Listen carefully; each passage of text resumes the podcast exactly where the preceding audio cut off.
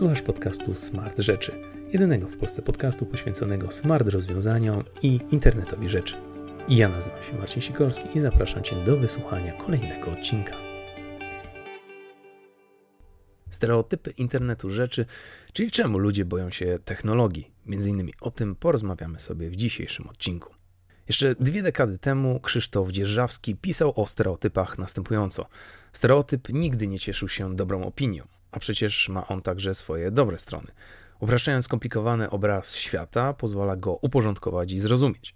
Co więcej, stereotyp jest kluczowym elementem kulturalnego kodu, który umożliwia ludziom porozumiewanie się między sobą. Zdarza się jednak niekiedy, że stereotypowe upraszczanie idzie nazbyt daleko, deformując rzeczywistość do takiego stopnia, iż mamy do czynienia nie z prostotą już, lecz fałszem.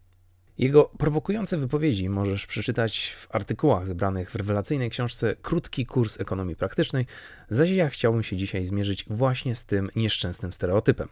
Stereotypem, który ciąży na internecie rzeczy i nowoczesnych technologiach, rzekomo niejasnym i wiecznie zepsutym tworze, którego nijak nie można pojąć.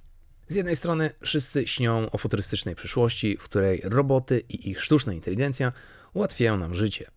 Z drugiej zaś istnieje szereg lęków konsumentów o to, czy nie czeka nas przyszłość pełna inwigilacji, narzuconej nam myśli i wiecznie psujących się maszyn, które będą powodować problemy. Problemy fizyczne, problemy etyczne, a przede wszystkim związane z bezpieczeństwem naszego zdrowia cielesnego oraz duchowego. Najlepiej ten dysonans lęku do pragnień widać w raporcie Connected Living, The Voice of the Consumer What do they expect their IoT experience to be in 2030? w którym przebadano próbkę 2500 osób w różnym wieku i pochodzących z różnych środowisk, jak ich zdaniem będzie wyglądać świat za niecałą dekadę. Przedstawiciele Chin, Stanów Zjednoczonych, Europy, Brazylii oraz Japonii zaczęli więc snuć swe wizje.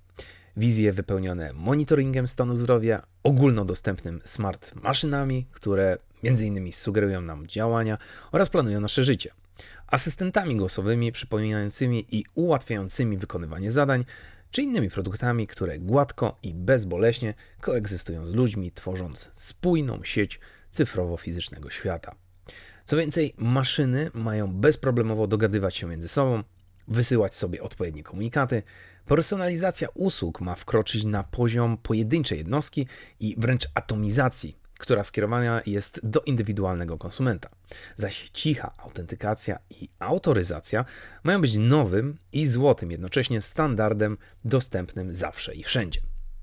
Zatrzymajmy się jednak przy tym ostatnim punkcie, czyli cichej autentykacji. Silent Authentication to koncept opierający się o sztuczną inteligencję, która wykorzystując sensory pokroju wizji, dźwięku czy wibracji, potrafi ustalić, kim jest dana jednostka i w ten sposób nadać jej odpowiednie uprawnienia. Chodzi tu o taką znajomość naszych indywidualnych nawyków, czyli specyficznego chodu, gestykulacji, tonu głosu, ruchu oczu, by móc nadać nam uprawnienia w locie i w czasie rzeczywistym. Po co masz odblokowywać telefon palcem lub wpisywać kod do drzwi? Po co masz spoglądać w kamerę lub przemawiać do mikrofonu? Lepiej, aby sumować te wszystkie elementy i cechy, nałożyć na wszystko czynnik geolokalizacji i ustalić jednoznacznie, że ty i suma Twoich mikrocech to w istocie właśnie ty. Zabawne, że ta sama grupa pytanych respondentów natychmiast i z niekrytą pasją opowiadała też o tym, że boi się świata, w którym maszyny mają właśnie pełną kontrolę i potrafią wiedzieć więcej o nas niż my sami. Mają obawy, że internet rzeczy będzie swego rodzaju furtką, z której będą korzystać zarówno hakerzy, jak i rządy. Swego rodzaju tworem, który ułatwi przejmowanie nad nimi kontroli staną się jeszcze mocniej zredukowani do roli nic nieznaczącego numeru, który jest profilowany i używany wyłącznie jako statystyka. A 62% spytanych obawia się właśnie, że utraci kontrolę nad swym życiem, zaś co czwarty boi się, że życie stanie się zbyt skomplikowane i trudne do ogarnięcia. Jak to zatem jest, że połowa z nich akceptuje fakt, że drony i roboty staną się niezauważalną częścią naszego świata, podczas gdy ta sama grupa boi się, że te maszyny będą mogły zrobić im krzywdę i będą wykorzystywane właśnie do złych celów? Ciśnie mi się na usta sparafrazowanie Jana Baptysty Saja o tym, że nie ma dobrych technologii, są tylko mniej złe.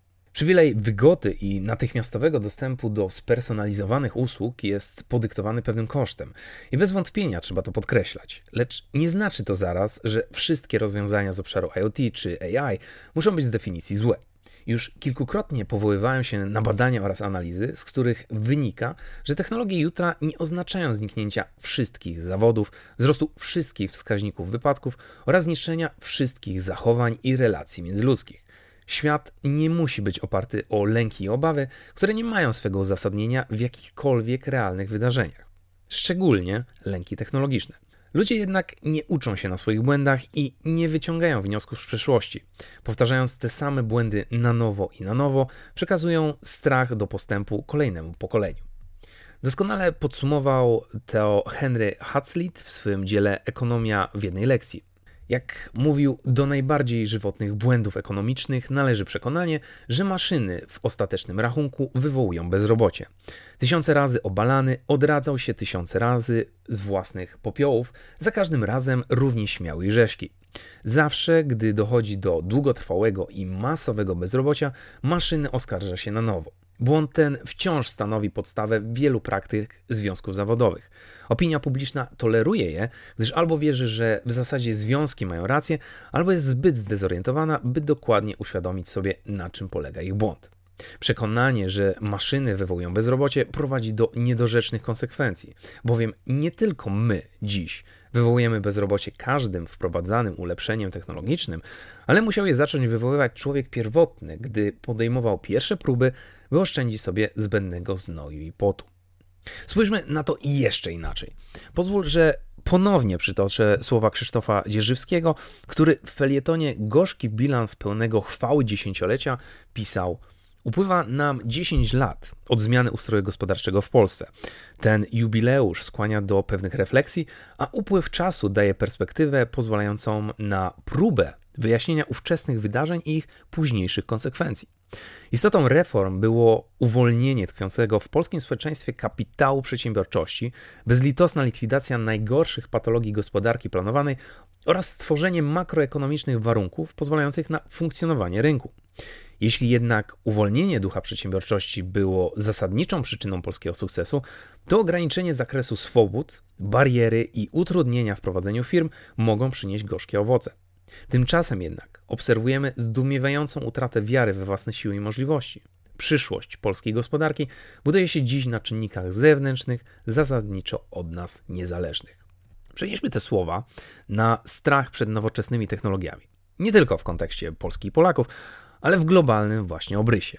Czy nie jest czasem tak, że celem rewolucji od zawsze było uwolnienie nowego ducha możliwości? Jeśli ktoś ma nadal wątpliwości, to spytam się inaczej. Czy przypadkiem nie jest tak, że dostęp do tych wszystkich technologii i ich łączna suma działań nie przyniosły dotychczas dodatniego bilansu na świecie? Dlaczego zatem miałoby stać się nagle inaczej? Spójrzmy na dane. Dane, które dostępne są na stronie Our World in Data, a które agregują informacje dotyczące m.in. zmian podyktowanych technologiami na przestrzeni ostatnich dwóch dekad. Z 90% ludzi żyjących w skrajnym ubóstwie zeszliśmy poniżej 10%. Analfabetyzm zredukowaliśmy z 87% do około 14%. Przeżywalność powyżej 5 roku życia wzrosła z 56% do niemal 96%, zaś wolność w rozumieniu wartości demokracji wzrosła z poniżej 1% do około 56%, a liczba kolonii i miejsc, w których jest zerowy dostęp do tych wartości, zmalała z 49 do około 4. Ja wiem, wiem. Tu nakłada się cała siatka współzależności i czynników, które spowodowały te zmiany, a prosta redukcja ekonomii wszystkiego do technologii jest mocno krzywdząca dla pozostałych czynników. Rozumiem. Niemniej spójrzmy jeszcze, jak poprawił się dostęp do samych technologii i udogodnień. Podążając za przykładem Stanów Zjednoczonych i ich transformacji na przestrzeni ostatnich 100 lat, 99% mieszkańców domów ma obecnie dostęp do elektryczności, toalet czy bieżącej wody. 98 do lodówek i odkurzaczy, 96 do mikrofali, 90 do samochodów, 87 do klimatyzacji, 81 do pralek, 80 do mediów społecznościowych, 64% do tabletów i 28% do e-czytników. Technologia odciska gigantyczny ślad na naszym rozwoju, sprawiając, że dojrzewamy jako cywilizacja. I skoro pomaga ona nam tak mocno, to czemu zawsze pokazywana jest w złym świetle? Jednym z powodów jest hasło mediów skoro krwawi, to bawi, które lubują się w wyłapywaniu tych pojedynczych, nic nieznaczących, oderwanych od rzeczywistości wydarzeń, które rzekomo stanowią normę dla całego świata. Szczęście się nie sprzedaje, a jeśli sztucznie napompuje się balonik, to jest dla ciebie za trudne do pojęcia, to efekt wywoływanego strachu i paniki mamy wręcz gwarantowany. Inna sprawa, że na te fałszywe świadectwa nakładane są społeczne zachowania w postaci właśnie krzywej antycypacji technologicznej czy krzywej Rogersa. Ta pierwsza e, opowiada o tym, jak nasze wizje i to, co słyszymy wokół nas, wpływa na nasze poczucie świadomości. Dla przykładu, jeśli media będą dużo mówić o kryptowalutach jako na przykład metodzie na zastąpienie klasycznych pieniędzy, to ludzie bardzo szybko zaczną wierzyć, że jest to prawda. Zaczną dopowiadać sobie zastosowania, których ta technologia nie obsługuje, zaczną między sobą szerzyć nowiny o tym, że na pewno już za chwilę zastąpiony zostanie klasyczny porządek świata, a wizja jutra przysłoni im zdrowy rozsądek. I kiedy żadna z tych przepowiedni nie spełni się, zaczną oni stopniowo wątpić, mówić, że to od początku było kłamstwo i produkt nie wart czasu ani zachodu. W momencie, kiedy społeczeństwo przestanie aż tak interesować się danym medium, kapitalistyczny rynek przejmie go pod swoje skrzydła, dokona niezbędnych testów i prób, i kiedy uzna, że ma on dostatecznie dojrzały produkt, na nowo wprowadzi go do obrotu. I wówczas rynek go kupi, dostosuje i uzna za nowy standard tak długo, jak poziom życia sprzed wprowadzenia i po wprowadzeniu będą się różnić na korzyść konsumenta. Cały cykl powtarzamy tak długo, jak będą dostępne nowe technologie. Spójrzmy teraz na wprowadzenia samochodów, które zastąpiły powozy, czy internetu, który zastąpił w pewien sposób klasyczne sklepy, czy może nawet usługi pokroju Ubera lub Airbnb. I właśnie zastanówmy się, czy to samo nie czeka nas w przypadku IoT oraz właśnie sztucznej inteligencji. Druga krzywa, czyli krzywa Rogersa, określa pięć typów konsumentów, którzy istnieją obecnie na rynku. I nie jest tu istotne, czy mowa o Polsce, Chinach czy Nigerii. Zawsze istnieje niewielka grupa innowatorów, chętnych zmian. Odrobinę większa grupa tak zwanych wczesnych adaptorów, którzy gotowi są zaryzykować nowe. Tak zwana wczesna większość, która robi to, co poprzednicy, bo nie obawia się konsekwencji, późna większość, która robi, bo reszta już tak robi, i tak zwani opóźniacze, czyli ci, którzy decydują się na zmiany, bo nie mogą korzystać z dotychczasowych rozwiązań, no i w ogóle jest już pora na taki przeskok technologiczny. Każda z tych pięciu grup, każdy z tych pięciu typów konsumentów występuje na całym świecie. I tak jakoś się składa, że póki nie wkupimy się w łaski tych dwóch pierwszych grup, czyli tych innowatorów i wczesnych adaptorów, to możemy zapomnieć o przekonaniu pozostałych. Szczególnie, że pozostałe grupki charakteryzują się niezwykle wysokim poziomem zniechęcenia, wątpliwości i wręcz płynącej z nich goryczy. A gorycz, jak mawiał Osho, w sądziele dojrzałość, odpowiedzialność bycia sobą jest bardzo niebezpieczna. Jesteśmy zgorzkniali, ponieważ nie jesteśmy tym, kim powinniśmy być. Wszyscy są zgorzkniali, ponieważ czują, że życie powinno wyglądać zupełnie inaczej. Jeśli to już wszystko, to nie było w sumie warto. Musi w tym tkwić coś więcej i dopóki nie odkryjesz, nie będziesz w stanie odrzucić zgorzknienia.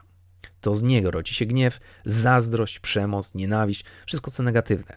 A człowiek nieustannie narzeka, ale prawdziwe źródło znajduje się tak naprawdę gdzieś w nim. No właśnie. Staje się to nieznośnie nieprzyjemne i męczące, kiedy osoby, które nie mają za krzty doświadczenia lub znajomości w danym temacie, wygłaszają pogląd, jakoby IoT, blockchain, cloud oraz robotyzacja miały zmieść cały świat z powierzchni Ziemi. Snują te swoje wizje, które ocierają się o bajkopisarstwo, a nie mają kompletnie przekładu na gospodarkę czy świat. Zamiast tego powinniśmy nauczyć się trudnej sztuki zadawania pytań. Powinniśmy zacząć prowadzić konwersacje, w których pytania, a nie gotowe odpowiedzi stanowią nasze podstawowe źródło wiedzy. W innym przypadku będziemy zawsze i wiecznie postawieni w nijakiej sytuacji, w której panuje duża ilość luźno powiązanych informacji, brak jest jasnego zrozumienia problemów i potrzeb, króluje chaos, no i mamy poczucie wiecznego dyskomfortu wynikającego z tego, że nie wiemy o co chodzi, ani nie wiemy co trzeba zrobić, żeby było lepiej. A wystarczyłoby zacząć zadawać raptem dwa pytania: dlaczego oraz po co, by w prosty sposób zrozumieć przeszłość, czyli istniejące problemy, oraz przyszłość, czyli potencjał możliwości.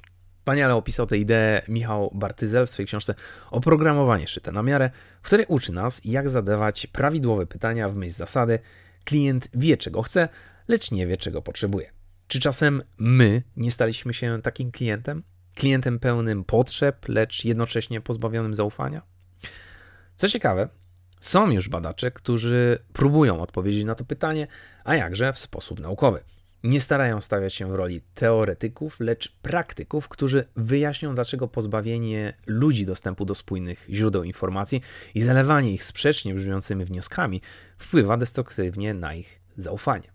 W hipotezach badawczych postawy dotyczące zaufania zamknięte są zwykle we wcześniej określonych definicjach i ramach. Dla przykładu w książce A Trust Model for Consumer Internet Shopping wyróżnić możemy aż trzy takie kategorie zaufania. Wedle teorii osobowości, zaufanie to przekonanie autentycznie zakorzenione w rozwoju psychicznym osobowości. W myśl socjologii i ekonomii, zaufanie opisuje się jako zjawisko w obrębie określonych grup i no, pomiędzy nimi. Zaś psychologia społeczna twierdzi, że zaufanie to oczekiwania i chęci wynikające z różnych transakcji obarczonych potencjalnym zagrożeniem i ryzykiem.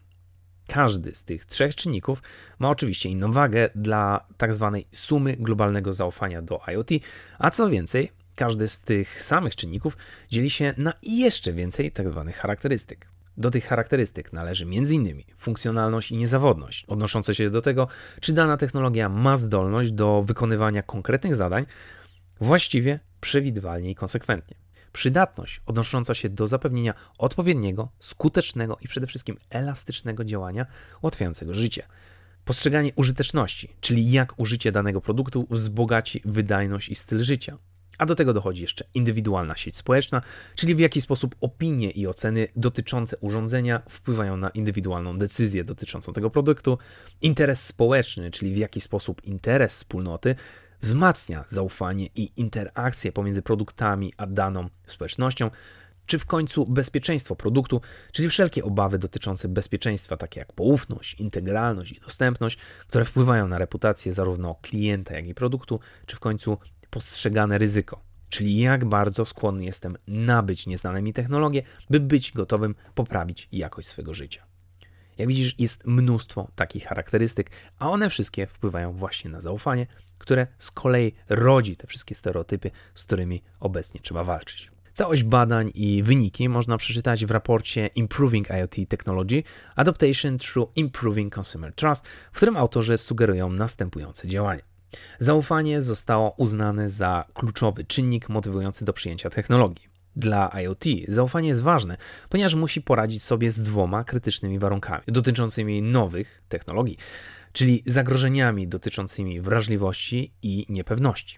W celu zwiększenia zaufania konsumentów do przyjęcia technologii IoT wymagana jest ocena wszystkich czynników związanych z zaufaniem. To teraz zastanówmy się, ile firm lub ile mediów opisujących tematykę nowoczesnych technologii realizuje tak dokładnie i szczegółowo te wytyczne. Ilu z nich w ogóle dba o to, aby budować taką nić porozumienia i zaufania pomiędzy potencjalnym konsumentem oraz oferowaną technologią? No właśnie, ilu? Celem moich materiałów, artykułów lub przemyśleń, jak to woli, jest takie stopniowe budowanie zaufania odzieranie technologii z ich sztucznie wykreowanego skomplikowania. Chcę wyjaśnić i opisywać najważniejsze i najnowsze zagadnienia w taki sposób, by trafić do każdego, kto choć trochę chciałby zbliżyć się do tego konceptu, bez względu na rodzaj biznesu lub pozycję zawodową. Powoli, konsekwentnie i małymi kroczkami, by wspólnie obalić te cudaczne stereotypy i zamienić je na zaufanie. Zaufanie, które stanowi najlepszą walutę dla nowoczesnych technologii. Hej, mam nadzieję, że spodobał Ci się ten odcinek. Jeżeli masz jakiekolwiek wątpliwości, pytania lub chciałbyś porozmawiać na tematy poruszane w tym odcinku, zapraszam Cię do kontaktu albo za pomocą strony smartrzeczy.pl, albo za pomocą e-maila kontakt Pozdrawiam i do usłyszenia w kolejnym odcinku.